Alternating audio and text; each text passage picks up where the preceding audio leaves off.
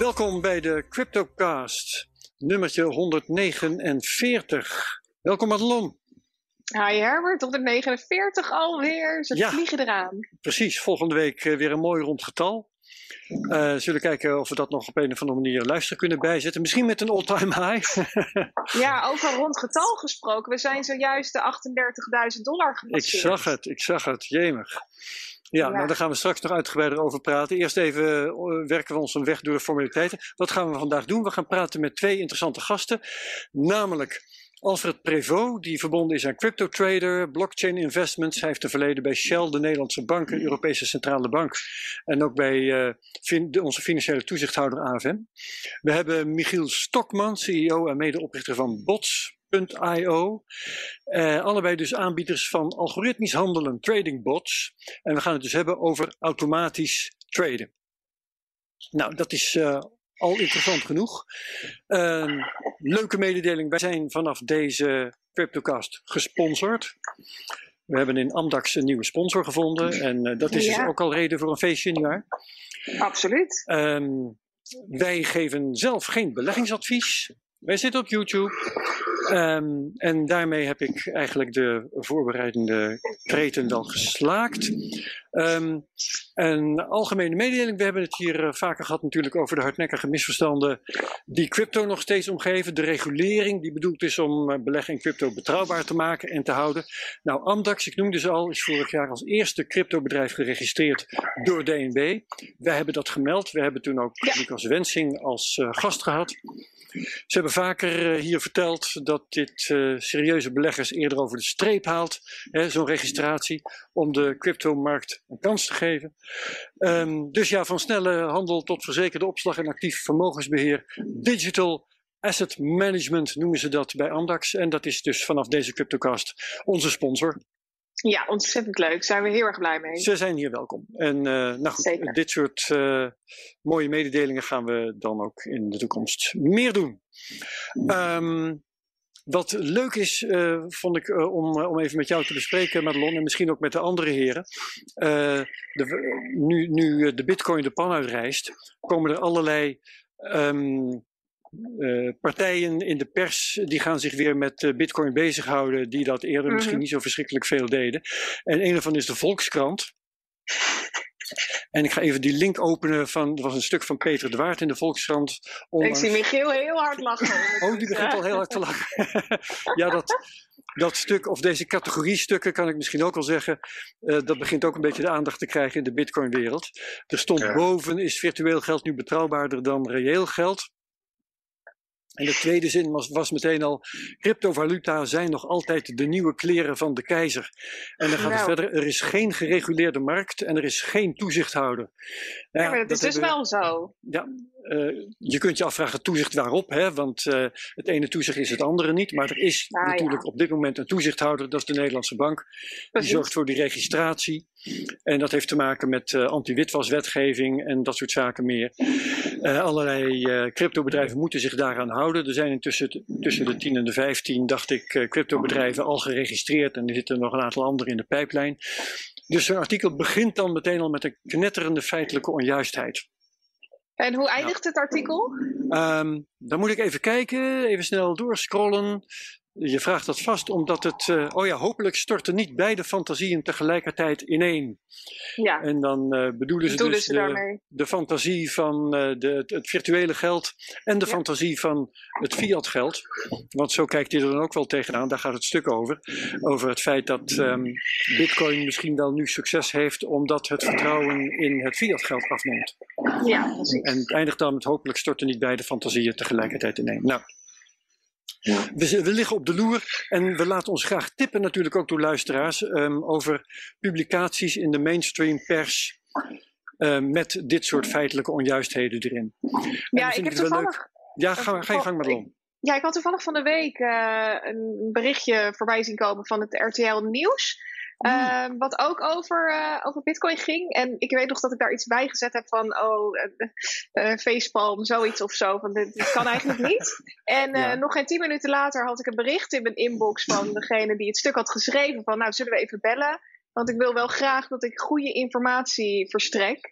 En we hebben het er samen over gehad. En nou, ja, daarna is er op een nieuw stuk gepubliceerd. Dus dat is wel heel erg fijn. Dat ze wel kijken naar hoe ze toch dat stuk dan kunnen verbeteren. En het is ook wel een heel erg ingewikkelde markt. En het hangt samen van zoveel, met zoveel verschillende fronten. En uh, je moet heel veel weten over tal van verschillende dingen. Zowel regelgeving als over het handelen aan zich, als over financiële producten. Dus we mogen het ze ook niet te kwalijk nemen dat een, een, een journalist het, het, soms even iets anders opschrijft dan dat het misschien is. Nee, dat klopt. Maar het is natuurlijk wel jammer dat van die veronderstellingen, hè, die vaak gevoed worden door de traditionele financiële wereld, dat die dan onnadenkend als feiten worden gepresenteerd. Zoals laatst bijvoorbeeld ook een keer in het FD, waar uh, Domweg, dat was uh, eind vorig jaar, waar Domweg stond. Uh, Bitcoin wordt alleen maar gebruikt voor speculatie. Punt. Ja.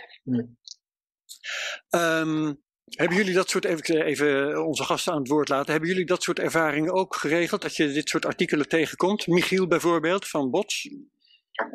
Nou ja, ik kom ze natuurlijk net zoveel tegen als, uh, als jullie ze tegenkomen. Uh, kijk, als je een bedrijf opbouwt, dan let je eigenlijk daar niet op. Je, je kijkt naar de lange termijn ontwikkelingen. En dan komt er allerlei nieuws voorbij. Dus toen wij, toen wij begonnen, uh, toen, toen ging de, de bitcoin, toen was de bitcoin iets van, van geeks en, uh, en criminelen. Waarvan wij alleen, uh, ik denk dat Alfred daar ook mee kan meespreken. Je, je ziet eigenlijk alleen maar uh, nerds en geeks en enthousiastelingen. En die criminelen zijn later ook eigenlijk niet goed gevonden op een paar namen. Die heb je natuurlijk overal.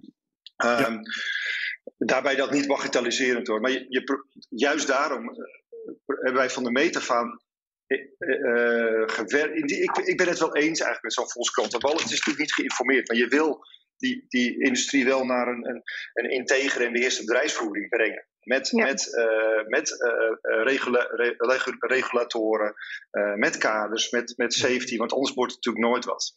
En, want het is natuurlijk mooie technologie, maar ja, wat heb je er anders aan als het niet toegankelijk is? Ja. Maar ik hou me niet zo bezig met het dagelijkse nieuws eigenlijk. Nee, oké. Okay. Michiel Stokman, eh, heb jij media-ervaringen? Oh, sorry, Alfred Prevot. Ik, ik uh, had de vraag aan Michiel al gesteld. Ja. Alfred, jij bent aan de beurt. Nog ja. even wennen aan deze twee gasten. Uh, nee, geen enkel probleem. Uh, voor ik antwoord geef op die vraag, even een kleine correctie. Ik heb nooit bij de AFM gewerkt, mogen werken. Ik heb wel bij de Nederlandse Bank gewerkt en bij de Europese Centrale Bank. Oké, okay, my bad. nee, dat maakt helemaal niet uit. Um, om antwoord te geven op de vraag, ja, ik heb die ervaringen ook zeker. Uh, sterker nog, uh, wat ik ook wel eens doe, is als er een journalist is die inderdaad een artikel publiceert, dat je, wat Maarten ook heel mooi zei, ga met ze in gesprek. ga kijken hoe kan het beter. Probeer hen ook te helpen. En ik heb dat zeker in het verleden ook gedaan. Ik ben zeker in het verleden ook daarin goed te woord gestaan. En er is echt goed geluisterd. En dit is gewoon een hele jonge industrie in ontwikkeling. En ja. de journalisten doen ook vaak echt wel hun best. Maar het is inderdaad complexe materie. Het is die, die cross-section van finance en technologie. Het gaat ook nog eens super, super snel. Dus uh, ja, daarin moet je denk ik uh, ook een zekere mate van uh, geduld hebben en begrip. En proberen, ja, als mensen dan een fout maken, dat aan, te, aan te geven. En samen met hen in gesprek te gaan. Ja, ja. Uh, ik zal nog één ander voorbeeld noemen. Dat is uh, toch wel aardig, omdat ik daar toevallig gisteravond nog uh, naar heb gekeken. wat nogal aandacht heeft getro getrokken kort geleden. Dat was een stuk op de site van, van de Rabobank. En dat heette Is Bitcoin een beleggingscategorie? En uh, daar werd ik op gewezen door uh, Lucas Wensing van onze sponsor Andax. Uh, die zei van, hey, heb, je, heb je dit gezien? En toen ik ging kijken, toen vond ik dat stuk al niet meer. Ik vond wel commentaren erop op biflatie.nl en op bitcoinmagazine.nl. Sites die zich daar dus deze dagen druk over hadden gemaakt. En jij had er ook over getwitterd, hè Madelon? Ja, dat klopt dat inderdaad. Wel, ja. Ik vond het een vreemd stuk. Ik, het was een vreemd stuk en ik vond alleen een kopie daarvan op weer een ander op de bitcoinidealist.nl. Maar die kopie die was van 2018. Toen dacht ik, wat is er nou aan de hand? En toen heb ik maar eens eventjes, eh, zoals jij met uh, uh, RTL contact had opgenomen, heb ik contact opgenomen met de Rabobank. En wat blijkt nu? Dat was een stuk dat zij al lang vergeten waren, dat ze in 2017 hadden geschreven en gepubliceerd. En dat is deze dagen is dat door een paar uh, uh, media zoals um, Bitcoin Magazine en, uh, en Biflatie is het opgepikt. Die hebben, die hebben dat herontdekt en hebben dat afgekraakt in de veronderstelling dat het een recent stuk was van de Rabobank. Waarop de Rabobank zich natuurlijk is doodgeschrokken, want die, die kregen dat natuurlijk ook in de gaten. En toen hebben ze snel dat stuk, voorkomen terecht natuurlijk ook, ja. offline gehaald. Nou ja, is dat nog terecht? Vind jij dat terecht? Want de vraag is natuurlijk wel, ze hebben dat stuk ooit gepubliceerd, dus ooit was hun mening anders. Ja, nou, uh, je mag ook van mening veranderen natuurlijk. Hè? En ik, zal de, ik, ik heb uh, uh, dit voorgelegd aan de Rabobank en ik kreeg een mail van Elise van Heeswijk. En die zal ik gewoon even voorlezen. Er heeft een artikel, want ik vroeg dus hè, die link die ik aantref bij Bitcoin Magazine bijvoorbeeld, gaat naar een stuk dat niet meer bestaat. Wat, wat, wat stond daar nou eigenlijk? Zij schrijft mij, er heeft een artikel op die pagina gestaan dat ooit was bedoeld als kort commentaar op Bitcoin. Dat artikel was van eind 2017. We hebben het geschreven vlak voordat Bitcoin een daling van meer dan 70% doormaakte in 2018. De situatie is sindsdien behoorlijk veranderd en is nog steeds in beweging. We waren overigens ook in de veronderstelling dat dit commentaar al niet meer online stond. Het commentaar is gedateerd en daarom hebben we besloten om het offline te halen. Des te meer ook omdat het op verschillende platforms deze week als onze actuele kijk werd gepresenteerd. Ik wil hierbij benadrukken dat Rabobank zich niet van Bitcoin distancieert of dat we Bitcoin downplayen of iets dergelijks. Integendeel. De eerste afspraken hier om de ontwikkelingen rondom Bitcoin zorgvuldig onder de loep te nemen zijn alweer gepland. Nou, dus. Um, uh, Rabobank geeft gewoon aan dat ze sinds 2018 van mening zijn veranderd over Bitcoin. En dat is leuk. Ik, moet dat, ik kan dat eigenlijk beamen. Ik heb toevallig uh, iemand laatst gesproken. Dus Michi, zeg het maar, ja? Excuus. Ja, die, die, die uh, uh, opeens met een, uh, voor mij totaal onverwacht, met een heel positief verhaal over de rouwbak kwam. Dat, dat ze interne gesprekken voeren over blockchain en, en, en alles daaromheen. Niet, zoals, niet ja. specifiek cryptomunten, maar goed, die zitten er on, on, onlosmakelijk aan vast. Zeker. Nou, leuk. hey, Madelon, volgens mij is het hoog, hoog tijd voor de koersen. Ja, ik ga ze er even bij hebben we daar al iets over gezegd. Ja, ja want uh, er is best wel veel gebeurd de afgelopen periode. En dat jongens, is, uh, jongens, jongens. Nou. nou ja, op zijn zachtst gezegd. Uh, ik pak even de daggrafiek erbij, want dan kunnen we even goed kijken waar we ongeveer vorige week stonden. We hebben natuurlijk vorige week een opname gehad die we al eerder opnamen. En in die tijd, uh, in de tussentijd is er uh, nou ja, ontzettend veel gebeurd. Toen uh, vorige week onze opname online ging, stond de koers nog op 29.050 dollar. Ja. En inmiddels staan we op 38.005 dollar. Het is bizar wat er afgelopen Zo, gebeurd ja. is. um, als we kijken naar percentages, dan zien we dat het percentage per dag qua stijging op zich best wel oké, okay, uh, nou ja, oké, okay, stijging is in absolute getallen lijkt het alleen meer. Uh, en dat is natuurlijk ook zo. Uh, ja. Maar als je percentagegewijs bekijkt, zie je het heel steady omhoog gaan. Ik moet en daar ook aan grappig. wennen dat als je het ene moment kijkt uh, en je kijkt het volgende moment, dan kan het honderden euro's of dollars ja. schelen. Maar dat is gewoon, ja, ja dat is een, een klein percentage op dit moment ja, wennen. precies. Het, precies. Het deed mij herinneren aan uh, 2013. Dat ik dan wakker werd s ochtends en dat de koers ineens 50 dollar hoger stond. En dat was dan bizar veel. Want in percentages was dat, was dat 10 of 15 procent. Nou ja, en als je dan nu kijkt, dan is het ook 10 of 15 procent. Soms zelfs maar 5. Maar absolute getallen is het veel. En we hebben natuurlijk van de week niet alleen een koersstijging gezien, maar ook een forse koersdaling. Dat vond namelijk plaats uh, op 3 januari. Toen begon de koers al een beetje te dalen. Toen uh, zette de koers een nieuwe all-time high op 35.000 dollar. En zijn we nou, in een dag, vanaf 4 januari tot aan 4 januari, zijn we uh, naar beneden gevallen tot 27.700 dollar.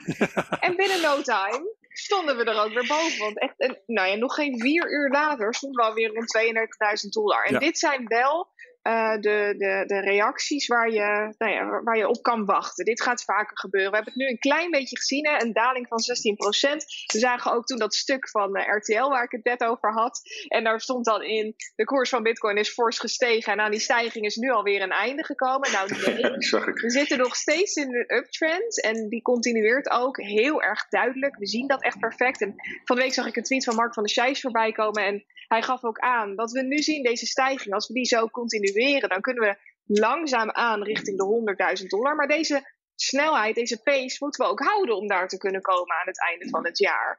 Um, Dus dat, dat is wel een hele mooie conclusie die hij daaraan legt. En technisch gezien, ja, ik kan heel weinig uh, zeggen over, over wat de koers nu de komende tijd gaat doen. Want we hebben geen weerstandslijnen meer. We zitten nu opnieuw, wow, ja. terwijl we nu aan het spreken zijn, op, die, op de all-time high. Uh, de candle is het, is het hoogste, dus de hoogste candle van het afgelopen uur. Uh, nog nooit eerder hebben we een koers gezien die zo hoog stond. Dus het is heel lastig om daar technische analyse op los te laten. We kijken op de korte termijn naar kleine patroontjes die dan weer een, een breakout weergeven. Maar eigenlijk zijn bijna alle breakouts die we tot nu toe gezien hebben opwaarts, behalve dan die van 3 januari. Uh, en dit, als ik het plaatje zo bekijk, continueert dit gewoon heel rustig aan. Zelfde percentages die we nu gezien hebben, alleen worden die absolute getallen wat groter. Maar hou er dus wel rekening mee dat een daling van 20 of 30 procent ook gewoon kan plaatsvinden. En dat zal dan hoogstwaarschijnlijk snel weer gecorrigeerd worden opwaarts. Ja, omdat die uh, grote investeerders alles meteen op stofzuigeren. Ja, dat klopt inderdaad. Dat is trouwens ook wel waar mijn uh, nieuwtje op aansluit. Ik had een, uh, een nieuwtje over de hoeveelheid bitcoins die nu in supply zijn, die liquide zijn. Ja. En uh, 80% van de bitcoins die nu van de total supply is illiquide. Dus die kan niet eens verhandeld worden. Dus 20% wordt maar verhandeld. en dat zegt ook wel wat over dat die prijs zo opgestuwd wordt. Ja, ja. en illiquide in de zin van dat die vergeten is of zoek geraakt. Of dat die op, op um, Ledger staat offline. Uh, wat moet ja. ik daarbij voorstellen? Dat soort ja, dingen. die staan niet op beurzen, niet, niet bij brokers. Die staan dus ja. echt ergens achteraf. En je moet echt goed veel moeite doen, wil je die uh, liquide gaan maken. Ja, interessant. Um, laten we eens eventjes naar onze gasten gaan. Um, Alfred bijvoorbeeld. Wat zou jouw nieuws zijn op dit moment? Mijn nieuws? Uh, nou, wat ik heel, heel bijzonder vond deze week is dat uh, de Bitcoin natuurlijk op de voorpagina stond van de Financial Times. En uh, mm. dat is best een soort uh, symbolische mijlpaal. Van hey, we, ook het artikel zelf was niet per se volledig negatief. Dus het gaf even aan van hey, dit is een, een legitimering van een, een asset class, eigenlijk een opkomende asset class, die ja, we niet meer echt kunnen ontkennen. En het is ook een institutionaliseringssymbool uh, um, eigenlijk. Dat we zeggen van nou we zitten op de voorkant van de Financial Times, een van de meest established news sources. En dat geeft wel aan dat hè, de, de, de, protagonist, de, de soort van de vlaggenhouder van de hele cryptomarkt, is toch Bitcoin. Dat die op de voorpagina komt van de Financial Times, daar kon je ja, vier jaar geleden met moeite voorstellen. Ja, is het nooit eerder gebeurd? Ik geloof niet in deze context.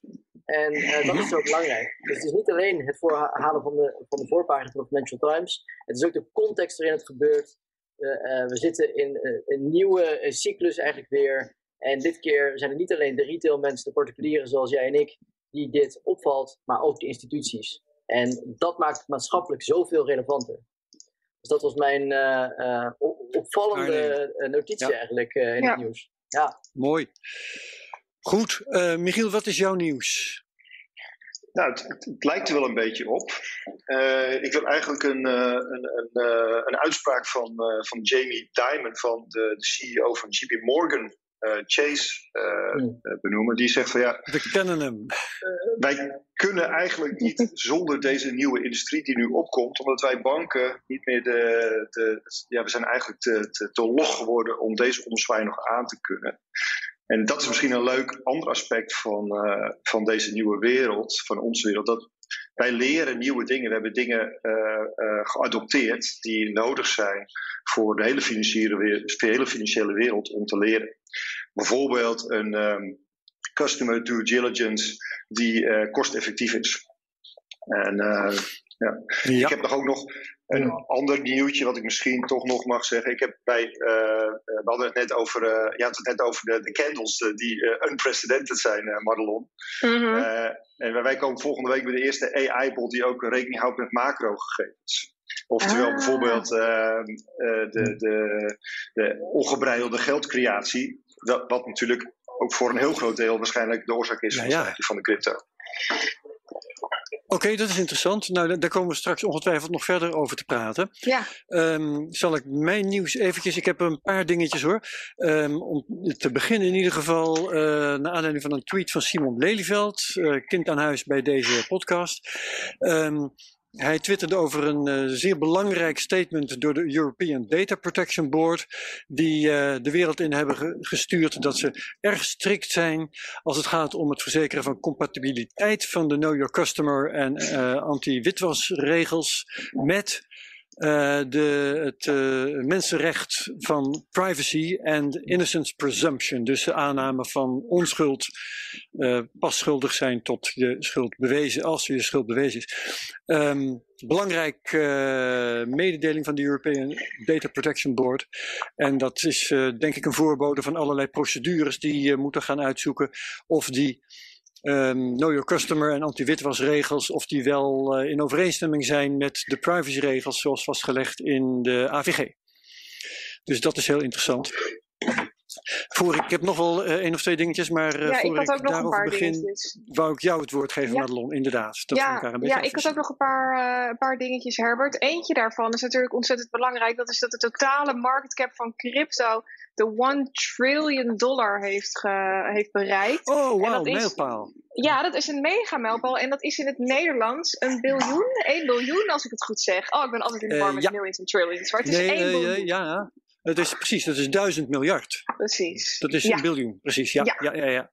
Dus uh, dat is wel, uh, wel heel bijzonder. En de vraag is natuurlijk hoe snel het, uh, het proces gaat voordat Bitcoin ook die kant op gaat. Die staat nu op 700 miljard in het Nederlands.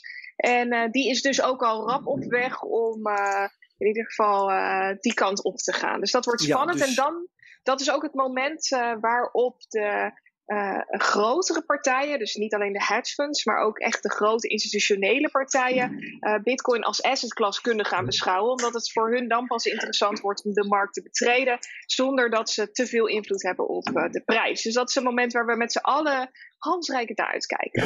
Ja, en dat is, uh, want 700, van 700 naar uh, 1000 is ongeveer 50% erbij. Dus bij een bitcoin koers van een mil of 60, dan gaan we dat zien. Ja, ongeveer. Om en nabij. Ja. Hangt vanaf hoeveel bitcoins er dan zijn natuurlijk, maar uh, ja, dat klopt. Ja, ja, ja, ja. ik zie uh, Michiel al breed grijnzen. Jij, jij ziet dat wel uh, aan de einde. Nou, nou grijnst Alfred ook natuurlijk. Je ziet dat wel gebeuren, Michiel?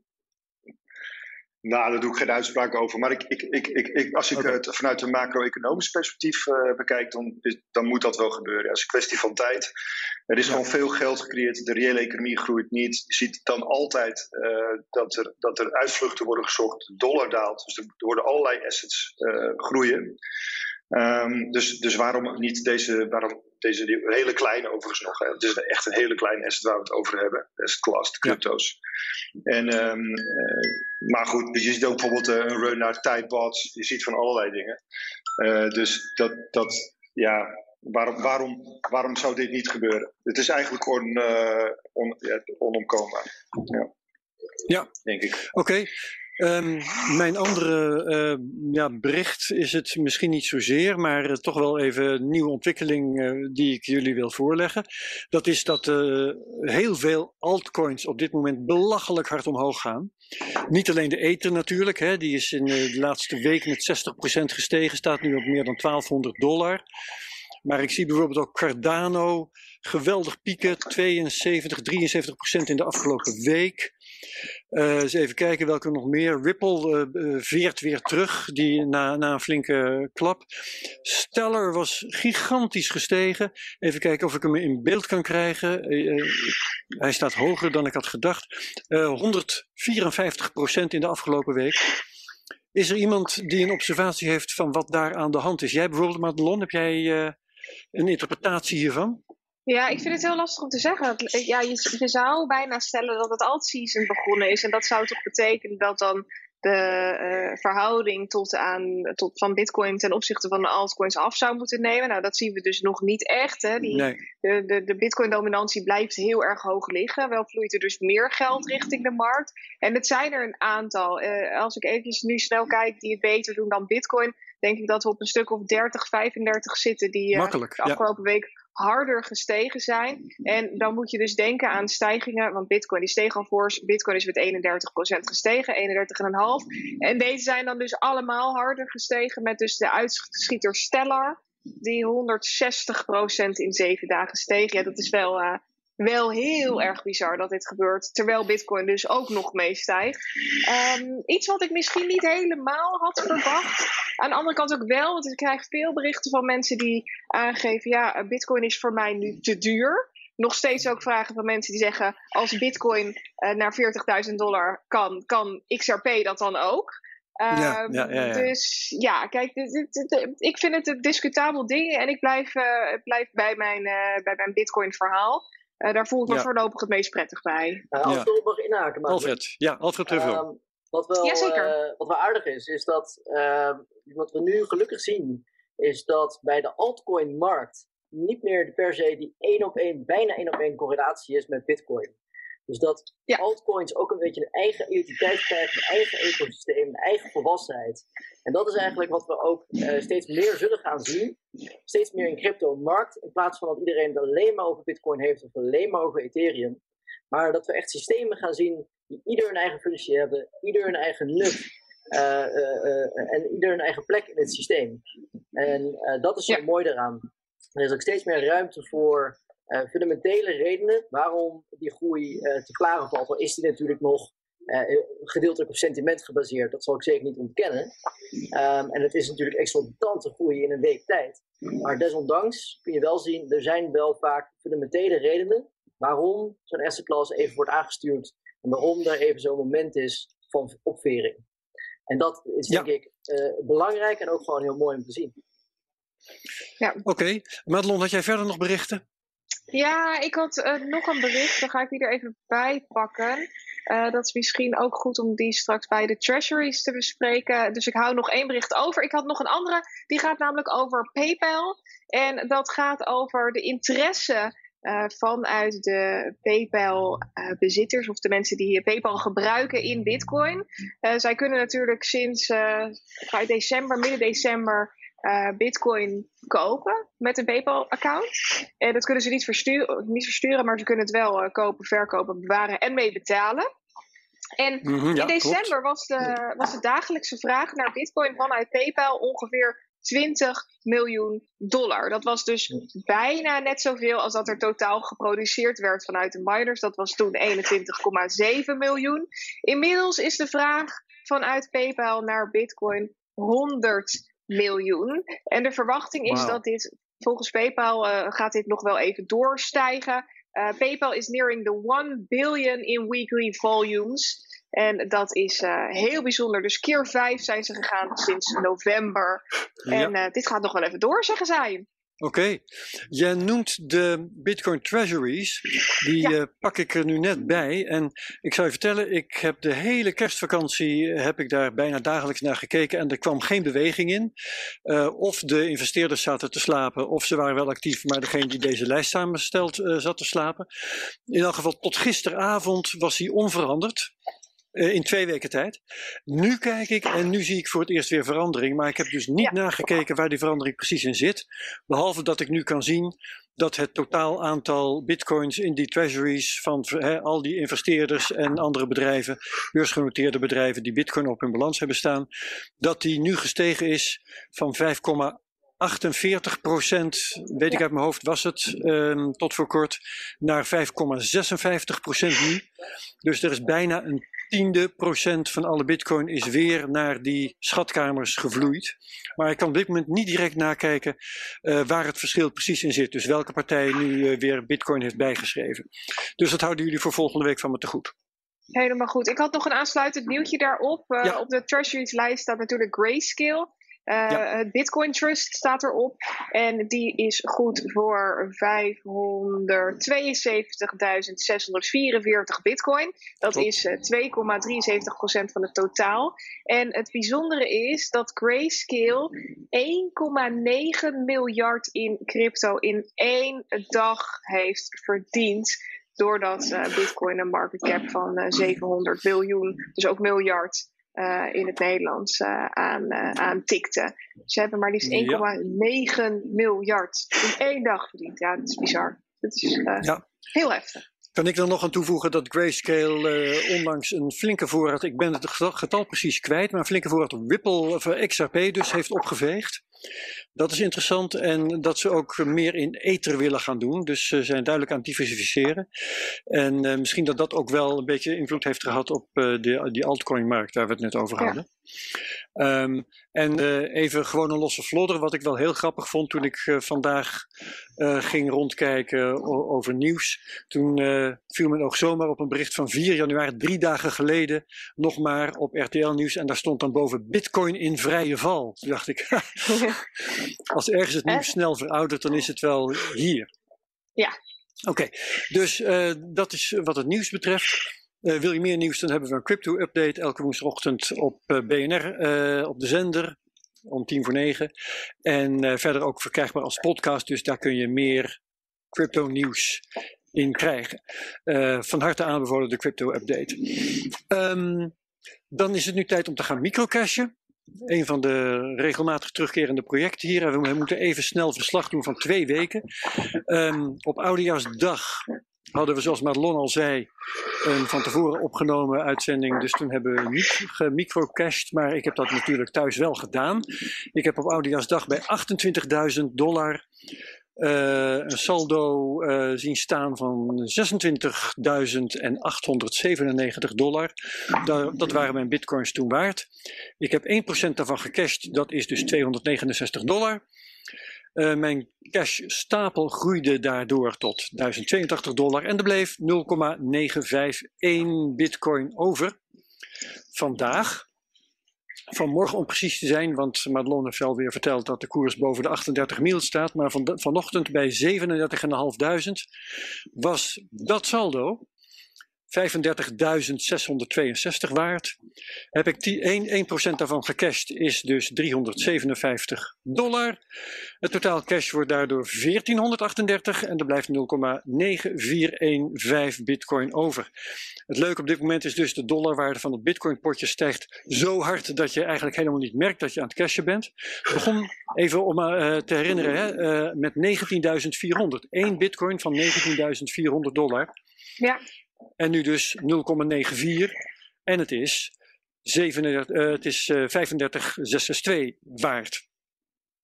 Elke week cash ik een kleiner percentage, maar een groter bedrag.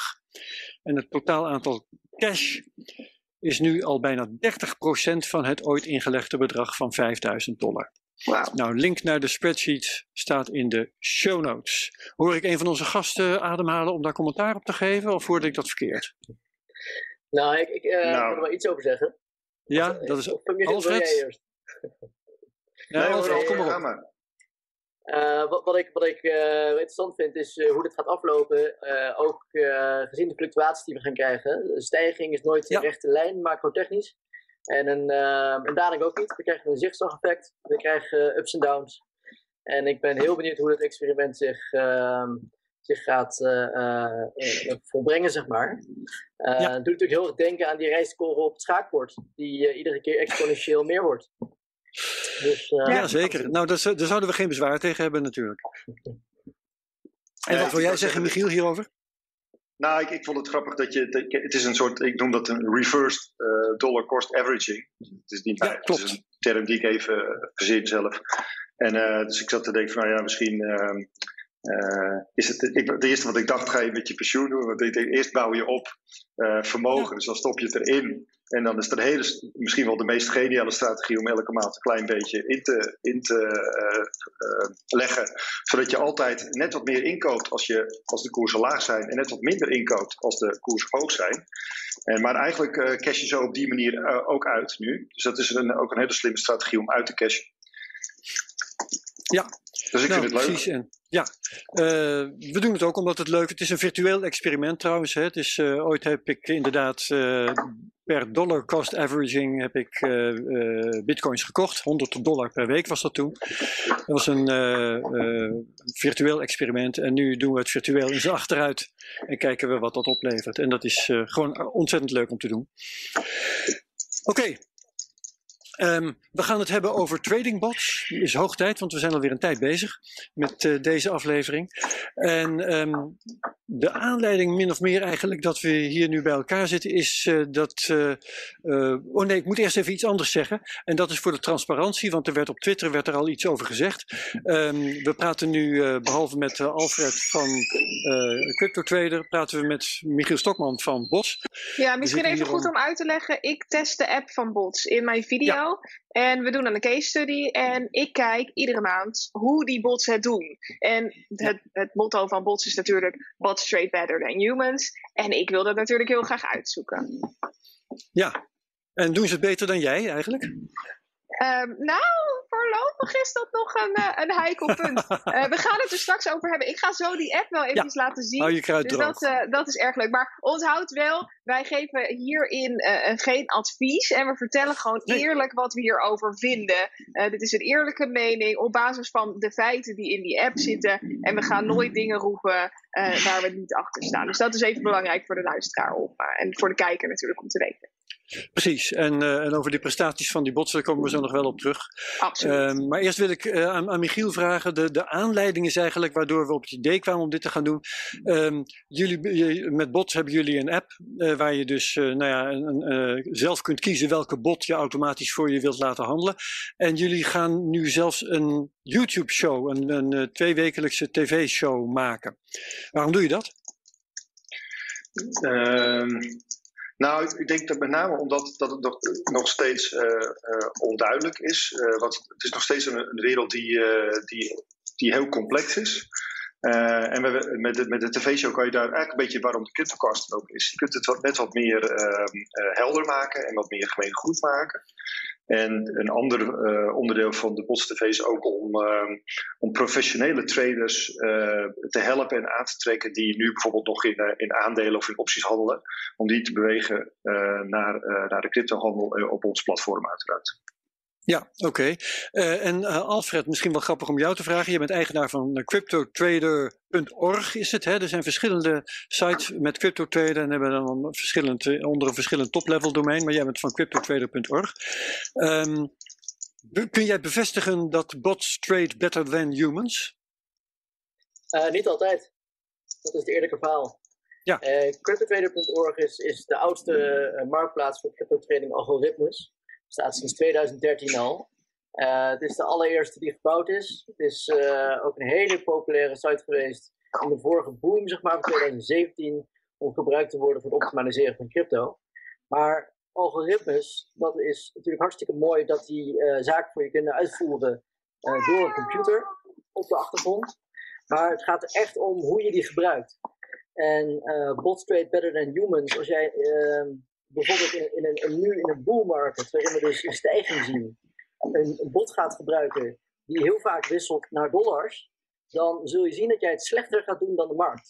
Ja. En uh, ja. dat is uh, zeker een, een, een, een, een, mogelijkheid als je niet goed die bots opzet.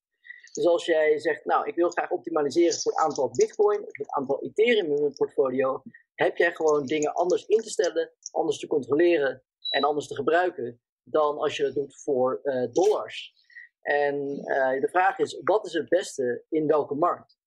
En uh, dat is waar bots bij kunnen helpen. Maar het is echt heel belangrijk om daar goed naar te kijken. Want um, ik heb, ik heb de, de bots-app even bekeken en, en, gezien. En dat zijn heel veel dollarbots. Ja, in, in een bullmarkt nu, je gaat niet beter doen dan de markt. En dat zie je ook terug. Dus um, wat, wat je, je moet er echt iets even goed in verdiepen, iets meer van weten. Maar ik vind het mooi dat daar informatietransparantie over komt. En ik vind het mooi dat daar educatie over komt. En ja. ik vind het mooi dat daar uh, ook de democratisering in komt. Dus uh, dat, dat ondersteun ik. En uh, ja, de app van Michiel is natuurlijk echt bedoeld voor. Uh, de, waar iedereen kan dan instappen. Met alle consequenties misschien, maar ja, dat is aan die persoon zelf. En het is makkelijk om te doen, maar je kan ook niks instellen en niks zien wat er echt op de achtergrond gebeurt. En crypto trader ja. is veel meer gericht op iets serieuzere investeerder die net wat meer zelf wil instellen en ook zelf kan instellen misschien. Maar het zijn vaak ook iets grotere bedragen versus ja, um, zeg maar, wat Michiel doet is meer gericht op volume. Meer mensen ja, bereiken. dat is duidelijk. Dat is duidelijk. Ik, ik heb, kan trouwens het... Ja, Michiel, ga je gang joh. Nou, ik, ik moet de, de uh, CryptoTrader.org is, is uh, inderdaad een van de oudste, denk ik. Misschien wel de oudste. En, en het is ook, uh, ik heb het ook al eens tegen Alfred gezegd, het is ons, onze inspiratiebron geweest. Ja, jullie kennen elkaar al wat langer, hè? ja, ja de, de, Alfred is niet, niet vanaf het begin betrokken geweest bij CryptoTrader.org, maar wij ja. kennen elkaar al wat, wat langer, ja. inderdaad. Ja. Ik uh, kan intussen uit eigen ervaring nog uh, wel vertellen, en dat, dat bevestigt dan het, uh, een beetje wat Alfred zegt. Ik heb, we hebben hier ooit eerder over bots gehad in de CryptoCast, dat is alweer twee jaar geleden of zo. en toen dacht ik, hey, dat is interessant, dat is leuk, dat ga ik proberen. En dat was dan met een bot die eigenlijk een heel eenvoudig algoritme als de koers een stuk, het ging dan in dit geval om bitcoin versus dollar, of bitcoin versus euro. Als de koers een stukje gedaald was, dan kocht hij wat en steeg de koers vol, voldoende, dan, dan uh, verkocht hij. En dat was toen in de, de dalende markt na mei 2019 uit mijn hoofd gezegd. Toen was de koers 13.800 ja. geweest en toen is een half jaar lang is het naar beneden aan het glijden geweest. Met het gevolg dat mijn bot Um, op een gegeven moment, uh, uh, omdat de koers was gedaald, de, kocht die bitcoin van de dollars die er nog lagen. En uh, ja, de koers steeg niet voldoende om te verkopen. Steeg, het daalde daarna weer wel, waardoor die weer van het restje dollars wat er nog lag, weer bitcoin ging kopen. En zo ging dat door, tot ik alleen nog maar bitcoin had, die verder daalde. En zo zat je in feite door het algoritme in een val. Waar je alleen ja. maar uit kon komen door het algoritme uit te zetten en als mens in te grijpen. Dus uh, toen heb ik al gemerkt inderdaad dat in een uh, markt die maar één kant op gaat, dat het best lastig kan zijn met een bot. Ja, ik wil daar wel op reageren. Ja, ja, nou Michiel maar eventjes. Ja, ga maar. Michiel. De, Kijk, als, als we, we zijn een platform, hè? wij maken zelf, zelf die strategieën niet. Dat doen, uh, dat doen, uh, dat doen andere specialisten. Ja. Wat je ziet is dat, wat jij zegt is heel herkenbaar. Ja. Uh, wat een, wij zitten met, met name met professionele traders en die zullen altijd als ze daagje hebben, ik wil geen geld verliezen. En daar waar kan, wil ik geld verdienen. Dus die gaan de huidige markt, die boel is, dan zit je, kan je het meeste verdienen, dat zei uh, uh, Alfred ook al, uh, als je full exposure erin gaat. Wil je op lange termijn geld verdienen, dan moet je natuurlijk zorgen dat je niet te veel geld verliest. En daarom zie je inderdaad, de, daar richten de meeste bots zich op. En tegelijkertijd is het ook twee jaar geleden, is in botstermen een eeuw geleden. Het is een industrie, ja. het is een soort Uh, het is een ecosysteem wat zich aan het opbouwen is. Uh, artificial, artificial intelligence is, toch aan het opbouwen, is aan het democratiseren. Uh, de toegang, de, de platforms, dus de hoeveelheid mensen, dus zeg maar de, de, de, crowd science, zeg maar, die is aan het democratiseren. En, en aan het toenemen. Dus het, het bestaat nog in de, in de kinderschoenen wat dat betreft. Ook platformsnelheden om maar eens te noemen, op het moment dat je, in een wat kleinere altcoin zit, dan kun je maar een heel, tot voor kort maar, kort een hele kleine hoeveelheid volume kwijt.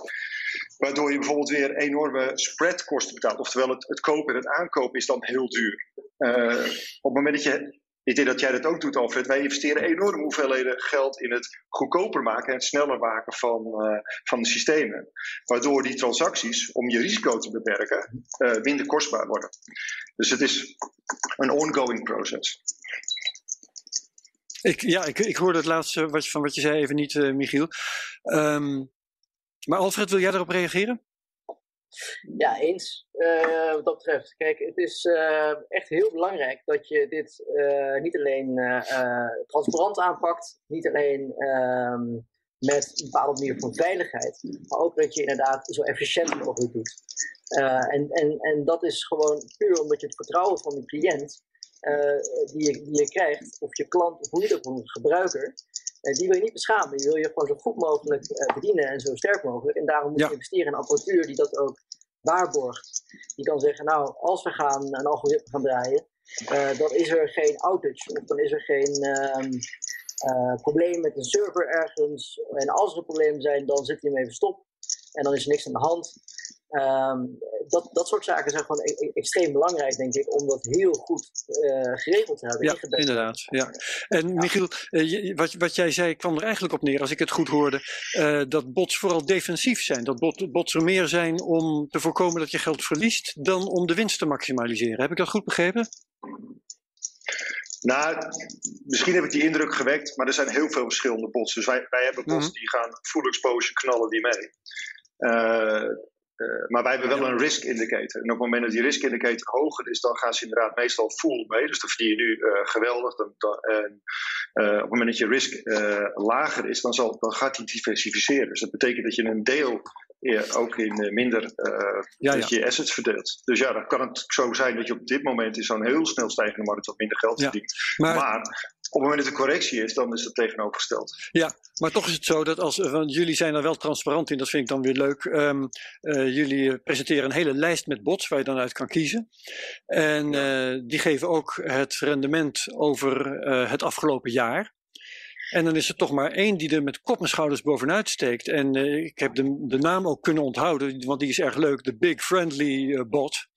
En dat blijkt Mhm. een bot te zijn die gewoon bitcoin koopt en niks doet. Dus ook Ja. op de vrij lange termijn van, van een jaar eh, is dat de beste strategie. Maar ja, dat is wel in een uptrend, hè, Herbert? Ja, Eh, en wij zijn, ja. wij zijn in mei gestart. eh, Herbert. Dus, dus wij, wij zijn beta gedraaid in, eh, vanaf januari. Mhm. En de, de beste die het gedaan heeft vanaf die periode is er eentje die, die trade in eh, ongeveer 200 verschillende coins. Oké, Dus dat, eh, ik, ik, het, het is, eh, eh, eh, ik ben het helemaal met Marlon eens. Het gaat precies, het is maar net even de periode die je hebt. Ja, wat misschien wel goed, goed om even uit te leggen. Ik ben in september gestart en bij mij is Ja. het inderdaad zo dat de Big Friendly Bot sinds september op 241,66% staat. Nou ja, dat is natuurlijk de Bitcoin eh, eh, bot die Bitcoin volgt. En daarna heb ik een andere bot en die heeft 233%. En ik heb in totaal 52 bots in de portefeuille zitten. En daarvan staan er nu 1, 2, 3, 4, 5 in de min.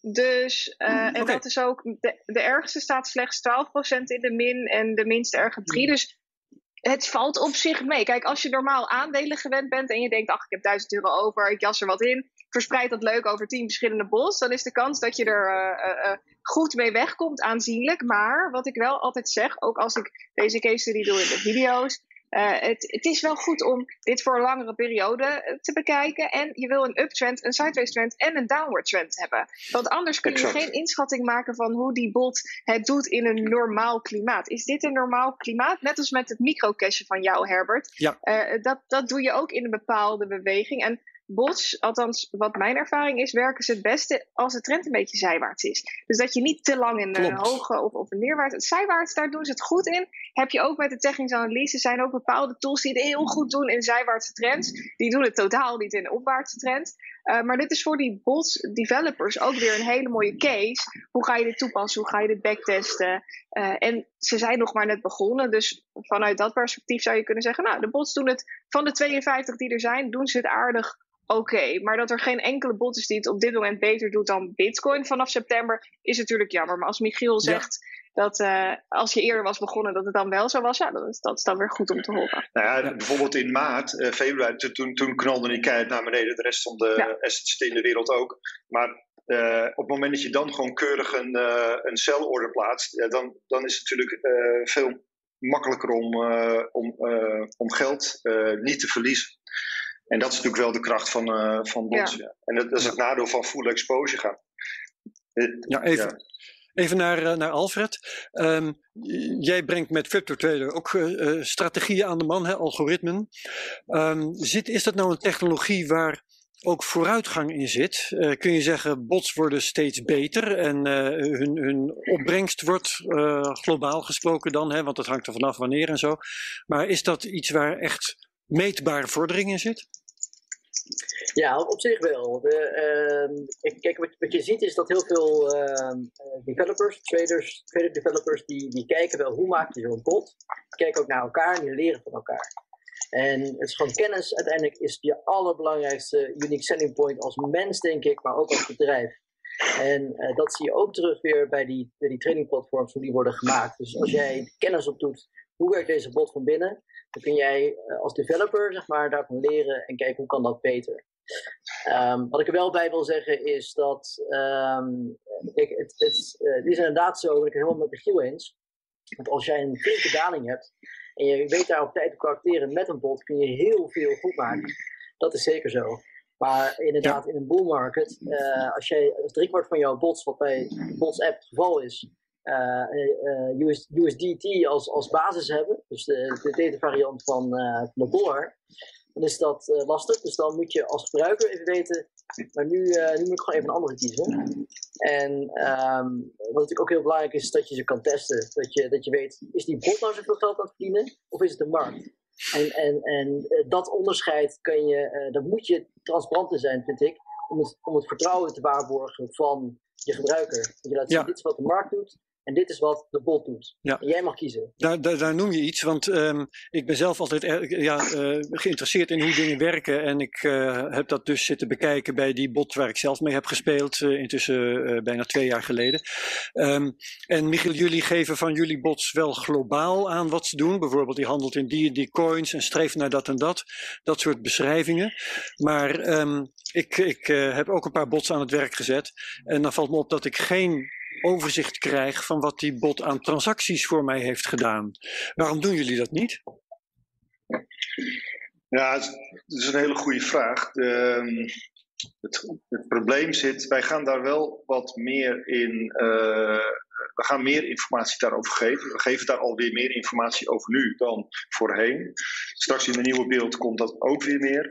Um, het probleem is een beetje dat, uh, dat zal Alfred ook uh, kunnen beamen dat bot is een, in, uh, is een IP, dat is een intellectual property. En op het moment dat je precies weer uh, weggeeft wat je doet, dan kun je, kan iemand anders herleiden wat je strategie is. En dan geef je dus je intellectuele uh, recht kwijt.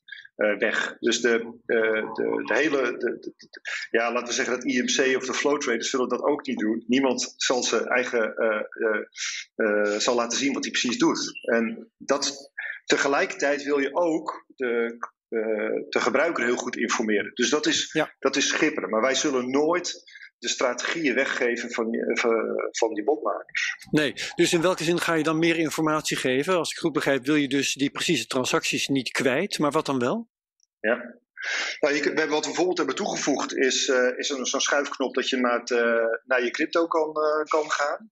Uh, je kunt alle base assets kan je zien waar je allemaal in zit. Je kan het percentages uh, doen in crypto. Dus je kunt, wat Alfred zegt, kun je, is het de markt die omhoog gaat of is het je relatieve performance? Die kan je nu beter zien. en we geven straks ook wat langere lijsten van de, van, de, van de belangrijkste holdings van de crypto. En die geven dan een beetje vertraagd weer. Zodat je niet precies kan zien wat het geheim van de smid is, maar wel ongeveer. Zodat je toch een goed idee hebt van, van wat doet hij nou, maar zonder het weg te geven. Ja, Oké, okay. um, nou bieden jullie, dat zei ik al, hè, een hele lijst bots aan. Het zijn er tientallen of misschien wel honderden, ik weet het niet precies. Um, vertel eens, hoeveel zijn het er, maar vooral, hoe kom je daaraan? Want je bent een platform, wie zijn het die dan die bots wel maken? Dat zijn mensen uit de hele wereld die automatisch naar ons toe komen. Uh, vervolgens uh, geven ze de API, oftewel daarmee het, het, het, het, ding waar je signalen mee kan sturen. Dan, uh, en vervolgens komen ze in een backtestperiode. Dan moeten ze, er is wat, wat Alfred ook al zei, je moet laten zien dat je een hele goede, goede strategie hebt. Vervolgens komen ze in een quarantaineperiode. Die dan moet je de echte data laten zien. Backtesten kan iedereen, want dan kan je gewoon een beetje wat tweaken totdat je achteraf winst hebt gemaakt. Maar die quarantaineperiode die kan tot drie maanden ongeveer duren. En dan, als je dan het goed doet, en kijken we heel erg naar de Sharp ratio. De Sharp ratio is de verhouding tussen de winst en het risico. Want daar gaat het in mijn optiek om. Uh, en uh, nou, dan mag je erop als je goed genoeg bent. Ja, en hoe zit het dan qua verdienmodel? Um, uh, er wordt gehandeld met, nou, laat ik zeggen, mijn geld of Madelonder geld. Um, er zijn transacties, die vinden plaats op Binance. Dat weet ik dan toevallig in jullie geval. Um, Binance neemt een commissie. En gaat er dan ook een commissie naar bots en ook een commissie naar de maker van de bots, die ik, uh, die ik verder niet ken? Nee, dat klopt. Ja, die, die naammaker van de bots ken je natuurlijk wel, want die worden die interview, die, die, die, die staat natuurlijk uh, als de, de. Ja, die wordt met name toen aan vermeld, maar dat zijn steeds verschillende. Ja. Oké, okay, ja, ja, ja, zeker. Ja, precies. En wat wel zo is, wat misschien wel goed over te zeggen, is doordat wij heel veel volume draaien, zijn we inmiddels als totaal transactiekosten lager dan je als individu op Binance zou hebben. Oh, wow. Je krijgt ook volumekorting. ja, ja, ja. ja. Ik ga even naar Alfred, want uh, met CryptoTrader, uh, zoals ik al zei, brengen jullie ook strategieën aan de man. Hoe werkt dat bij jullie precies? Waar komen die strategieën vandaan en hoe is jullie verdienmodel? Ja, dat, dat platform staat al wat langer. Hè? Dus er zitten nu uh, 10.000 strategieën in die database. Mm En dat is nogal wat. Dus ja. die strategieën die komen ook inderdaad van developers. Die, die spelen al wat langer mee op dat platform.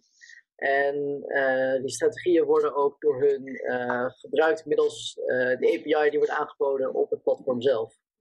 En zij kunnen dat, dat is, de API is eigenlijk gewoon de documentatie, de gebruiksaanwijzing. Hoe maak ik nou zo'n bot? En dat doen ze. En dan, wat bij ons gebeurt, is dat hij dan ook een soort van quarantaine gaat, maar dat is ook een code review. We gaan de code uitgebreid ontleden en kijken, ja, is dit, doet, hij het zoals ze zou moeten, maar ook doet hij wat hij zou moeten doen. Zorg dat er geen malicious code in zit, et cetera. En het verdienmodel is iets anders. Dus bij ons betaal je gewoon een vast bedrag per maand per bot. Dus dat zijn. Oké, okay, je huurt hem als het ware. Dat zijn tientjes per maand hoor. Dat zijn geen hele grote bedragen. Maar dat is gewoon om te zorgen dat de developer ook echt heel concreet wordt betaald. Uh, iedere keer direct als iemand uh, die bot aanschaft. En die krijgt ook uh, verreweg het grootste deel van, van dat bedrag direct uitgestopt. Alfred, ik heb een vraag. Heb je, voorheen hadden jullie toch twee tarieven? Een tarief voor crypto trader zelf en aan de botmaker, of niet? Dat is ook zo. Je hebt ook nog steeds inderdaad het, het tarief voor crypto trader zelf. Maar dat tarief is minder dan 10 euro per maand. En dat wordt hoger als jij zegt ik wil heel veel bots tegelijk draaien. Dus als je zegt ik wil 25 bots tegelijk draaien en ik wil het grote bedragen aan de slag en zo. Ja, dan betaal je misschien een paar tientjes meer. En dat gaat naar crypto trader zelf. Om dan weer gebruik te maken van al die bots. Um, dat klopt, dat is ook zo. Ja. ja. En doen jullie dat anders, Michiel? Uh, vragen jullie geen geld aan de makers van de bots, of wel? Nee. nee. Wij vragen alleen kwaliteit van de makers van de bots. Dus de, de, de, ja. de meeste wijzen we af of, uh, of begeleiden we oh. naar, uh, naar hogere resultaten. Maar nee, we, geen, uh, het kost enorm veel geld en tijd om een goede bot te schrijven. Dat is echt, een, echt een kunst. Je kunt niet mee wegkomen met, uh, met, met een paar uh, technische analyses, TA-libraries aan elkaar geplakt. Dus het, het, het, het is heel fors. Dus wij, nee, wij vragen zeker niet. Nee. Ja, ja, ja. Oké, um, nou hebben we net ook tegen elkaar gezegd, het maakt uit um, of je een zijwaarts bewegende markt hebt, of een stijgende markt, of een dalende markt. En het maakt uit of, of zo'n bot zeg maar kans van slagen heeft. Maar waarom zou je geen bot kunnen hebben die zegt van oh, uh, de zijwaartse markt waarin ik het goed doe uh, is uh, veranderd in een pak een beet, een stijgende markt. Dus ik zet mezelf maar eens uit. Waarom zou een bot dan doen? Een ietsje slimmere bot. Um, Michiel, is dat mogelijk? Heb ik nou het ei van Columbus te pakken of bestaat het al lang? nou, kijk, het probleem is een beetje met uh, de, de, winnaar in een, uh, in een stijgende markt is altijd degene die uh, iemand heel toevallig had gekozen. Ja. Dus, dus, het probleem natuurlijk van een, van een handelaar is dat hij, en dat geldt, dat geldt voor de rest van de mensheid, is dat hij de toekomst niet kent. soms kun je, dus je, je, je houdt altijd, het gaat allemaal om risk appetite. Dus hoeveel risico ben je bereid om te lopen? Ga je, neem je veel risico, nou ja, dan heb je een, uh, een hogere kans op rendement en een hoge kans op verlies. Dus dat, dat zijn een van de belangrijke dingen bij uh, zo'n technische term, de, de, de, de uh, het verliesrisico eigenlijk. Hoeveel kun je in een korte tijd verliezen? Dat is een extreem belangrijke parameter bij, bij een strategie. En dat heeft ja. Het heeft niks met de cryptowereld te maken of met een bot. Dat geldt voor elke belegger, ook als die manueel is. En, en natuurlijk ook in de aandelenmarkt wordt helemaal niks meer bijna manueel belegd. Alleen nog door een paar vermogensbeheerders misschien. Maar de professionele markten die uh, zitten natuurlijk al uh, sinds de jaren tachtig in de, vol in de, in de geautomatiseerde strategie. Ja, hey, maar, maar ik doen wij niets nieuws. Oh. Ja. Madelon, zeg maar. Waar ik benieuwd naar ben, ik kreeg vanochtend een, uh, een e-mail in mijn mailbox dat jullie bot die draait op XRP per 13 januari stopt, Michiel. En ik ben wel even benieuwd naar wat de reden daarachter is. We hebben natuurlijk meerdere exchanges gezien die XRP aan het delisten zijn. Uh, ik neem aan dat de reden hiervoor uh, dezelfde is, maar kun je nog eens toelichten wat, uh, waarom die bot per 13 januari stopt? Nou, die reden. Er zijn te veel exchanges die hem hebben gedealist. Dus dat betekent dat onze. Uh, de, Hmm. de, ehm, je hebt een bepaalde hoeveelheid liquiditeit die, eh, die je kunt handelen in een bot. voordat het heel duur wordt om te aan- en verkopen. of zelfs onmogelijk. En dat is bij XP ging dat echt mis. Dus vandaar hebben we hem uh, gedealist. Dat is nog een andere reden.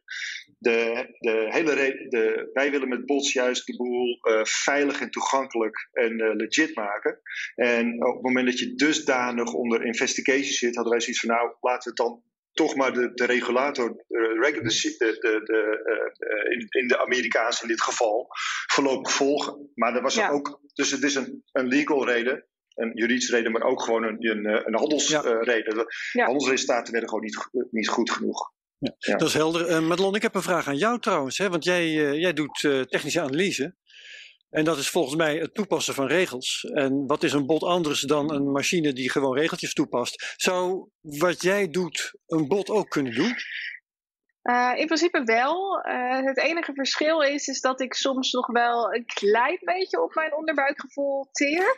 En dat kan een bot natuurlijk niet. Maar als we bijvoorbeeld kijken naar de daling van de afgelopen week. Uh, ik weet niet in hoeverre een bot een patroon als een schouderhoofd-schouderformatie kan herkennen. Um, en ik denk dat dat heel lastig wordt. Je hebt wel de tools, bijvoorbeeld de finvis van deze wereld, waarop ze wel driehoekpatronen kunnen herkennen. Maar in deze, het is een stukje subjectiever dan wat een bot doet. Dus een bot zou heel veel kunnen op basis van de indicatoren, oscillatoren, zoals we die dan noemen. Een, een RSI of een voortschrijdend gemiddelde, uh, bandbreedtes, normale verdeling. Daar kunnen bots zeker wat mee. Maar het stukje ja. subjectieve uh, patroonanalyse, dat wordt best wel lastig. En dat was het stukje waar ik afgelopen woensdag heel erg juist op geteerd heb. En uh, in ieder geval de mooiste trade van het jaar van heb, uh, heb kunnen maken. En ik denk niet dat een bot dat had kunnen doen. Op basis okay, van die. Ja, van, van, van, van die analyse dan. Ja, nou gefeliciteerd. Michiel? Nou ja, het probleem is natuurlijk dat, uh, dat uh, de mens altijd denkt dat ze iets beter kunnen dan de computer, totdat Google kwam en uh, Google Search. en de, de, mijn auto die automatisch rent voor een botsing. Dus ik, ik, ik, ik, ik, vrees ik, dat, dat de computer en de AI-technologie ons op dit vlak glansrijk voorbij zullen streven. Ja. Zullen streven. Ja, maar, ze, ze het... doen het nog niet. Het blijft nou, natuurlijk ongelooflijk. Ja. Het blijft natuurlijk ongelooflijk leuk om het zelf te doen. Hè? Autorijden ja. vinden we ook nog steeds leuk om zelf te doen. Uh, ook al vergeten we soms een keer te remmen of zien we een keer een paaltje niet. Het, het, blijft leuk en dat vind ik ook met technische analyse. Ik vind het fantastisch om er naar te kijken. Maar ik moet wel zeggen, ik vind het ook heel erg leuk om die bots-app te gebruiken. Want iedere keer als die koers dan stijgt of daalt, denk ik weer: oh, even in de portefeuille kijken. Kijken hoe het er nu voor staat en wat ze hebben gedaan. En ja. als je dat dan weer kan vergelijken met je eigen portefeuille, maakt dat het extra leuk. En dan heb je toch weer een dubbele dimensie erin. Ja, Alfred, ben jij even optimistisch als Michiel over wat bots uh, kunnen en op termijn zullen kunnen? Nou, uh, zo optimistisch ben ik ook weer niet. In die zin dat ik denk dat bots een enorme waardevolle toevoeging zijn. Wij hebben zelf uh, voor een aantal cliënten in, in, in, in 14 dagen 35% meer bitcoin uh, bij elkaar weten te, te traden door een van onze bots. Dat is natuurlijk fantastisch. Maar het is wel zo dat uh, je moet ook een beetje menskennis hebben, in, in, in, of uh, menselijke kennis moet ik eigenlijk zeggen, om die bot goed te laten draaien. En ik geloof niet in ja. een bots-only approach. Ik, ik geloof wel in dat er nog steeds mensen zijn die uh, kunnen kijken naar welke bot op het juiste, juiste moment. Want er zit, die bot wordt gemaakt door mensen. Uh, er is ook een uh, beperking in. Dus daar moet je denk ik heel waakzaam voor zijn. En je moet ook echt, wat, wat Michiel terecht aangaf, je moet het heel veilig doen. dus je moet zorgen dat je, nou ja, of zegt, je weet echt heel zeker dat waar jij gaat traden, dat het helemaal veilig is. als je alles op één exchange treedt, krijg je concentratierisico, krijg je een mogelijke verhoging van aansprakelijkheidsrisico, krijg je te maken met mogelijke problemen met liquiditeit, zoals je zag bij XRP. Um, ja, dus of de beurs die er een keer uit ligt. Ja, de beurs die er een keer uit ligt, inderdaad. Dus als je alles op één beurs uh, handelt, ja, dat is best wel een, een risicootje daar neemt. Dus je moet altijd zorgen dat je ondersteuning hebt van meerdere beurzen, meerdere markten, ja. meerdere situaties. Hoeveel beurzen en, zitten jullie dan, uh, Alfred? Wij zitten nu op vier beurzen, Hoe, want de rest vinden wij nu te klein. Hoeveel zitten jullie? We zitten nu op 8 en vanaf maart op 125 onder, ondersteunen we. Maar het verschil Oeps, is natuurlijk ja. dat, um, uh, ja, het is echt een bizar aantal. 125 exchanges en dan 10.000 bots. We gaan nog even kijken hoe we dat heel mooi gaan, uh, gaan aanbieden. Maar het belangrijkste is gewoon dat je, uh, dat je gaat kijken, dat, dat, dat, dat, je gaat kijken waar kun je het inderdaad veilig doen. En je wil mensen daarin de vrijheid geven, maar ook kunnen voorlichten. Hoe los je veilig op? Ja. En uh, ja, dat is uh, ook een beetje de vraag van de veiligheidsgordel. Uh, hoeveel geef je de mensen zelf de verantwoordelijkheid te zeggen, nou, zoek, probeer het zelf zo goed mogelijk op te lossen. In hoeverre leg je het op van ja, je moet het even via ons doen, maar wij zorgen wel dat de veiligheidsgordel er is, op wat voor manier dan ook. En, ja. en daar moet je ook heel transparant over zijn. Ja, um, ja Michiel had het net over. Uh, uh, oh, Ga je gang. Nee, Michiel had het net over het stukje uh, waarin jij aangaf dat artificial intelligence mogelijk een grote rol zou kunnen gaan spelen in de toekomst. dat is een onderdeel wat ik ontzettend interessant vind, want daar krijg je toch een soort van kunstmatige menselijkheid er doorheen. kun je wat vertellen over die bot die jullie gaan introduceren op basis van AI? Nou, ik kan alleen het proces vertellen. Ik weet dat uh, het is een, uh, een Nederlands bedrijf die gefinancierd wordt door allerlei buitenlandse investeerders. En die, die maakt al langere AI-bots in de, bijvoorbeeld om de verschillende oliemarkten te, daarvan te profiteren. Brent oil versus een andere oil bijvoorbeeld. Of, en, um, en die, hebben met, die hebben gedurende drie maanden lang een processor laten draaien. Dan is het eigenlijk één grote funnel, waarbij er eigenlijk één ultieme bot overblijft. Uh, daarbij worden heel breed actoren meegenomen, maar eerlijkheidsvolgens is het nog steeds wel zo'n, denk ik, zo'n 70, 80 procent is het marktdata. En, uh, en voor de overgedeeld is dat, zou je kunnen noemen, sentimentdata. Dus uh, laten zeggen, menselijke gevoelens die gerapporteerd zijn, die kwantificeerbaar zijn gemaakt. Bijvoorbeeld nieuwsberichten. En uh, ja, het, het, het, het, wat, het, wat het knap is van die AI is dat, dat die ontwikkeling niet snel, die, die gaat niet stilstaan. Dus je blijft maar doorgaan, je blijft maar doorgaan. En wat Alfred ook wel aardig aangaf, is dat het doel is zo belangrijk. Volgens mij zei je dat in het begin van, uh, van het gesprek. Uh, het doel is belangrijk. Dus je kunt, je kunt, die AI die heeft een menselijk aspect. Je moet hem zelf instellen. En dan kun je zeggen, nou, wat is nou precies wat je precies wil? Wil je meer bitcoins genereren? Of wil je bijvoorbeeld meer dollars of euro's genereren? Dat is prima. Uh, wat is je risico? Wanneer wil je uitbetalen? En dat, daar zijn die AI's erg, erg goed in. Dus, dat, ja, ik, dus we gaan het zien. We gaan het zien. Ik weet het niet. De, de, de, ja. We vinden het heel leuk en ze werken er heel hard aan. Nou hebben botsen natuurlijk eh, een aantal hele duidelijke voordelen. Eén is dat ze nooit slapen. Ik geloof dat jij nog wel eens een probleem hebt gehad, Madelon, dat je een beetje te veel tijd in het tweede stak. Hè? Dat het uh, ja. niet, niet helemaal goed Ik heb er nu ook wel een beetje last van, moet ik heel eerlijk zeggen. Even, dat kan ik me helemaal voorstellen. Het is um, zo ehm, leuk en je wil het maar, gewoon niet missen. Nee, maar dus, dus dat is, dat is uh, een heel duidelijk voordeel. Maar er is ook een heel duidelijk nadeel. Dat wil ik er graag tegenover stellen. Uh, is een gouden regel in de cryptowereld. Not your keys, not your coins. Uh, er zijn mensen die zeggen van nou ja, je moet niet meer op een exchange hebben staan dan strikt noodzakelijk. ga je bots aan het werk zetten, dan zitten daar nog weer partijen tussen tussen jou en je coins. Dus um, ja, ik wil eigenlijk van jullie allebei weten, hoe uh, denk je daarover? Hoe ga je daarmee om? Wat, uh, wat leg je dan je klanten uit op dat gebied? Alfred, wil jij uh, misschien eens aftrappen hierover? Ja hoor, geen probleem. ik denk dat het ehm, een heel, heel, heel belangrijk punt is dit. En dat komt omdat je, je veiligheid gewoon zo ontzettend belangrijk is. En wat we, het verschil is denk ik uh, tussen ja, allerlei soorten manieren om bots te gebruiken. En wat ik dan ook al een beetje aan appelleerde is, uh, wat wij doen is zeggen, nou je hebt een eigen beursaccount als gebruiker. En die kun je koppelen aan een bot op CryptoTrader. Maar dat doe je zelf. Je klikt, je klikt zelf op die koppelknop en je voert zelf de code in waarmee je dit kan koppelen. Maar even goed, werkt dit alleen als je je coins op een exchange hebt staan? Hè? Dus uh, daar begint het mee, dan heb je je keys al niet meer. Dan heb je je keys niet meer en dan, daar moet je dus uh, goed waakzaam voor zijn. Dus investeer alleen hè, wat je bereid bent uh, te verliezen. Een soort van het adagium bij crypto. Sowieso, ja. Ik denk wel dat we mm -hmm. allemaal een afwachting zijn, een klein beetje van gedecentraliseerde beurzen. En dat dat heel interessant is om te gaan kijken. Dan heb je wel je keys in handen, dan kun je toch ehm, gaan handelen op een beurs. En dat is een opmars, ja, dat, dat, zien we in een hele snelle ontwikkeling gaan. En dat is zeker iets waar we ook naar kijken. Uh, ja. Dus dat is een manier om dat hopelijk op te lossen voor de toekomst. Ja, ja. Michiel, hoe doen jullie, uh, hoe, hoe uh, bespreken jullie met je klanten not your keys, not your coins? Nou, dat, dat, dat inderdaad, je moet uh, alleen met geld uh, beleggen, wat uh, zeker in de crypto vind ik ook, wat, wat maar een heel klein percentage is van je, van je totaal vermogen en wat je ja. bereid bent om te verliezen. Want je kunt met elke belegging alles verliezen. Ja, ook met Ehm, aandelen, hè, dat mogen we hier ook wel een keertje zeggen. Iedereen doet altijd alsof dat Ja. niet zo is, maar dat is natuurlijk ook zo. Ja, en het probleem is, de, maar goed, dat, de, het probleem is natuurlijk dat je dat nu ook met spaargeld hebt. Hè. De, de, de spaargeld verlies je Ja. ook eh, bijna 2, 3 procent per jaar op. En als je dat over Ja, tien maar jaar niet alles in één dan- keer. Hè? Dat, is, eh, dat een bedrijf Nou ja, failliet gaat of zo, dat heb je met spaargeld niet. Ja. Hoog uit de bank, is- maar ik- dan... Dat is, Ik denk, dat we, eh, ik denk dat we heel hard moeten werken aan garantiesystemen. Eh, zoals in, eh, met, met fiat geld, met fiduciair geld. Eh, de overheid dat doet tot een bepaald bedrag in bepaalde assets. In het, ik denk dat je gewoon garant moet gaan staan. En dat je als, misschien als exchanges bij elkaar of als platformen bij elkaar je moet vormen en zeggen van nee, als er, als er wat gebeurt, wat er ook gebeurt, dat je daar, dat je daar niet, net als bijvoorbeeld de creditcardmaatschappij of iets dergelijks, dat je daar geen last van hebt. Dan lap je dat gewoon. Je maakt een stroppenpot en je investeert er samen in. Zo, zo, zo je werken aan eh, veiligheid. En wat het leuke is van de cryptowereld is dus zoveel openheid. Als wij één dingetje verkeerd doen, dan zit onze Discord-channel, die gaat ballistic.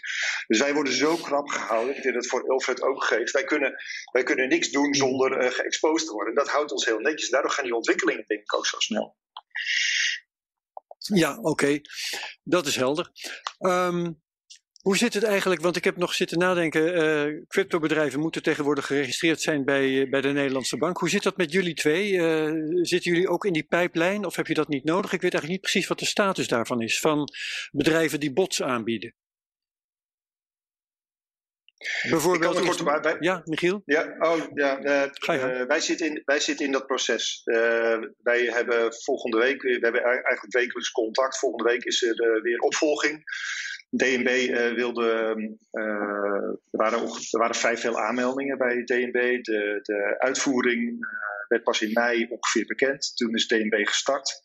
Heeft er nu ongeveer 15 eh, geregistreerd. En eh, of je er wel of niet onder valt, is heel erg wat DNB ervan vindt. Eh, heb je je aangemeld, wat wij hebben gedaan, dan val je er in principe onder. Eh, er zijn advocaten die, die, die vinden je valt er niet onder. Er zijn advocaten die vinden je valt er wel onder. Die wet is de, de wetgeving. Het gaat om de WDFT en de sanctiewetgeving. En of je daar wel of niet onder valt, is nog steeds. Nou, wij willen er graag onder vallen, laat ik het zo zeggen. En wij zijn Ja. ermee bezig. Ja. Alfred, hoe zit dat bij jullie? Ja, met blockchain investments eh, eh, maken wij echt wel gebruik van KYC, screening, eh, alle, alle zaken van, ehm, van de WWFT die belangrijk zijn.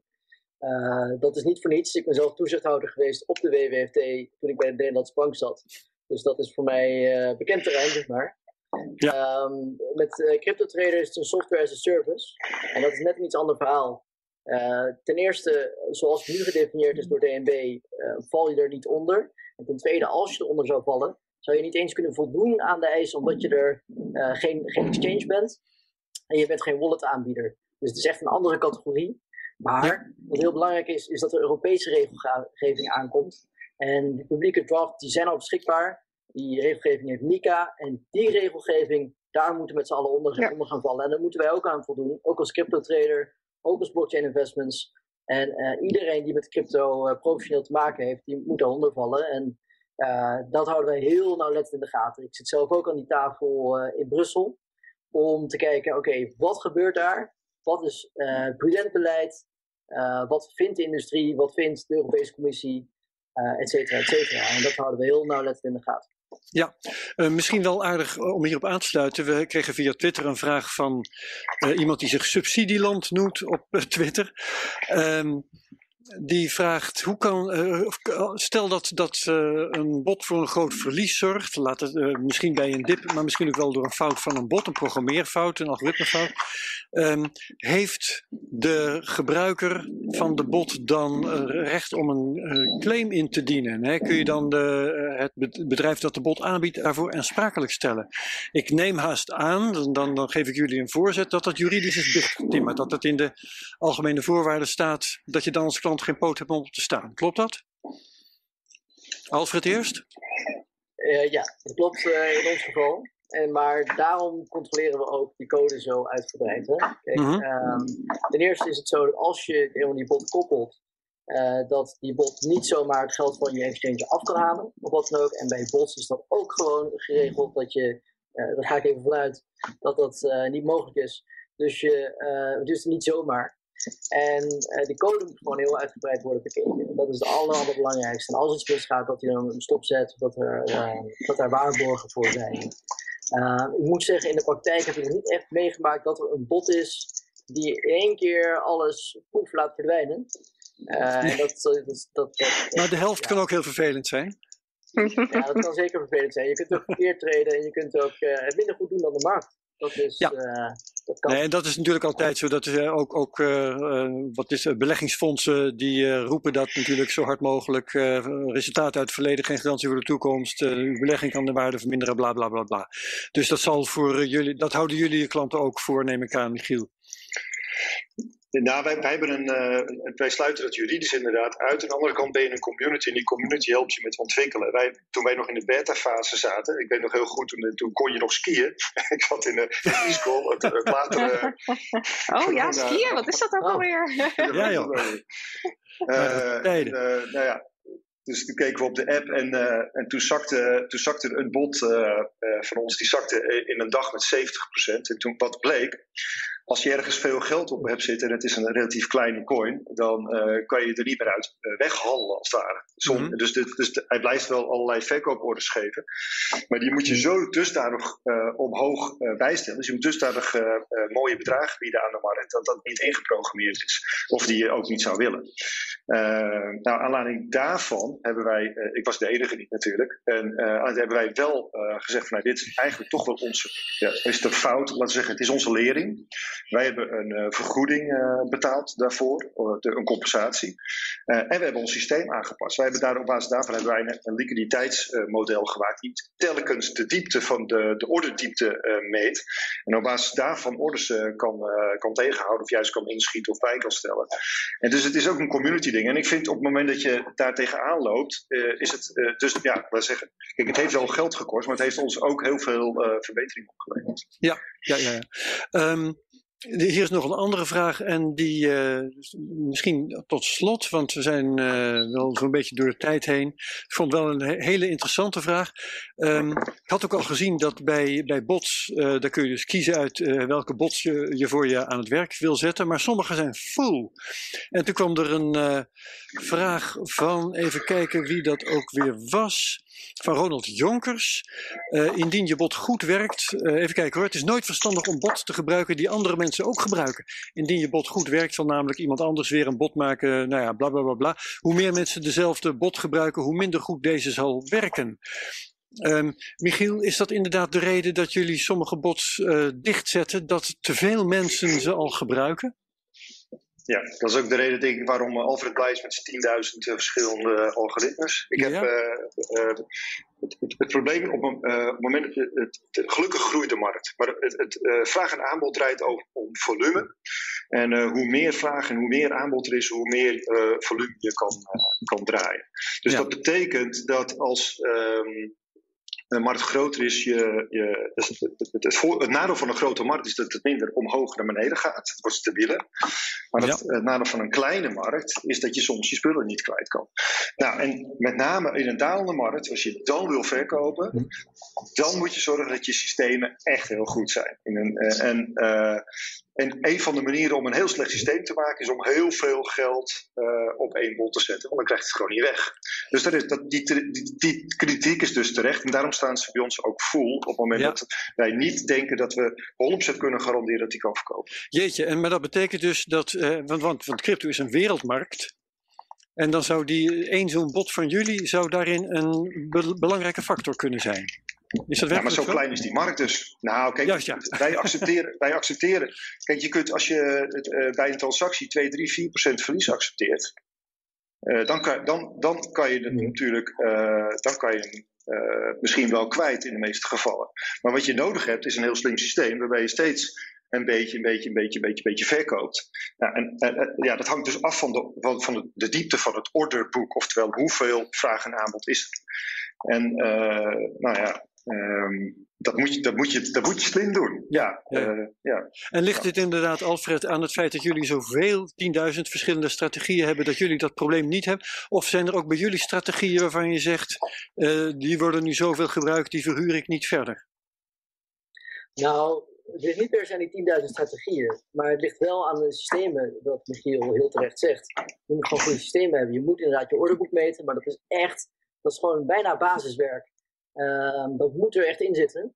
En je hebt allerlei manieren om op de achtergrond ook je bot goed te laten draaien. En dat is uh, iceberg ordering noem je dat. Dat is een beetje een technische term, maar dat is wat Michiel net noemde met die layer cake. Je verkoopt hem hier, je verkoopt hem hier, je verkoopt hem hier. En hij doet dat netjes op voor jou uh, vooraf ingestelde bedragen en limieten. En uh, je hebt je scalping, je hebt allerlei manieren en, en, en, ingestelde uh, soort van, ja, technieken, zeg maar, om te zorgen dat het goed loopt. En dat moet er echt in zitten. Anders krijg je inderdaad met je problematiek te maken met die enorme uh, dalen die je kan veroorzaken. En ja. ja. helemaal het begin, vijf jaar geleden, toen ik hiermee begon met dit onderwerp, en ik zelf zat te kijken hoe, hoe, ik, hoe ik zoiets kon doen, liep ik er ook tegenaan. Dan, dan heb je ook een beetje een orde die je plaatst in, hé, dat is toch wel raar dat uh, wat, wat gebeurt er nu eigenlijk allemaal? Ik krijg de order niet weg of je krijgt hem juist te snel weg. Um, ja, daar, daar is een stukje uh, educatie voor nodig. Ja. Um, en je moet ervan uit kunnen gaan dat een platform dat aanbiedt. Dat is echt wel uh, echt elementair. En ik vind ook wel dat de cliënten daarvan vanuit moeten kunnen gaan. Ja. Of het nou bots is, of CryptoTrader of, of elders. Maar, Doe me denken, ja. Ja, doe me denken, Madelon, aan het hilarische verhaal dat Martijn Wismeijer uh, vertelde. Dat hij, uh, Ja. nu, nu gaan de heren waarschijnlijk ook heel erg lachen, dat hij 7000 bitcoins te verkopen had. Die 1 dollar per stuk uh, was de koers daarvan op dat moment. En uh, die heeft hij toen op Mt. Gox gegooid. En de eerste partij, daar kreeg hij nog een dollar voor. Maar de laatste partij die de, door de markt werd opgenomen, was nog maar een dubbeltje per stuk. Dat is een mooi voorbeeld. Ja, Ja, precies. Toen had hij in zijn eentje had hij de hele markt op zijn kop gezet. Madelon, had jij nog vragen aan de heren? Nee, al mijn vragen zijn reeds beantwoord. Ja, nou, dat was een hele zit. Lekker lange CryptoCast is het uh, geworden intussen. Zeker weten. Um, eens even kijken wat we ook weer de volgende week hebben. Dan moet ik fietsen naar de volgende. Oh ja, dan spreken we over Trevor. Heb je al een spreker daarvoor kunnen boeken, Madelon? Ik ben daarmee nog in, uh, in overleg, Herbert. Het is best wel een lastig onderwerp. Er zijn weinig mensen die hier veel over weten. Dus mochten er nou luisteraars zijn die zeggen... hé, hey, ik weet een Die goede gast. hebben. Laat het dan eventjes weten. Ik heb trouwens nog wel eventjes bij plan B geïnformeerd. En die zegt dat het... eh, eh, eh, vanuit zijn perspectief best wel bijzonder zou zijn als Tether een dusdanige invloed zou hebben op de koers. Met name omdat de grotere partijen, de Europese hedge funds, niet met Tether bitcoin kopen, maar dat uh, rechtstreeks doen. Dus dat is wel een hele goede om dat even in je achterhoofd te Ja. houden. Maar ik ben nog op zoek. En mocht ik nou denken, in dit onderwerp zit te weinig, dan gaan we een, uh, een toffe econoom vragen om wat meer de uh, overal uh, groei van Bitcoin over het afgelopen jaar en de toekomstige groei ten aanzien van Bitcoin als betaalmiddel of store of value te bekijken. Interessant. Wordt het dus sowieso. Yes. Nou, als je deze ja. aflevering van de CryptoCast interessant vond, dan kun je hem delen op Twitter. CryptoCastNL zijn wij. Zet dat er dan even bij. Je kunt reviews achterlaten bij Apple Podcasts. Ja, en wat ook leuk is, ja, als, je nu de video aan het, als je nu de video aan het bekijken bent, stuur dan eventjes ons een, een fotootje, een screenshotje hiervan. Dan kunnen we even zien dat je meekijkt. En deel die dan ook eventjes op sociale media. Vinden we leuk. Hartstikke leuk, goed idee. Nou, um, ik dank Alfred Prevot van CryptoTrader.org. Ik dank Michiel Stokman van Bots. Um, tot de volgende keer zal ik maar zeggen. Madelon bedankt. En wat uh, CryptoCast uh, betreft, heel graag tot de volgende week, want dan zijn we er weer. Dag. Yes, Herbert, jij bedankt en tot de volgende keer. Dag.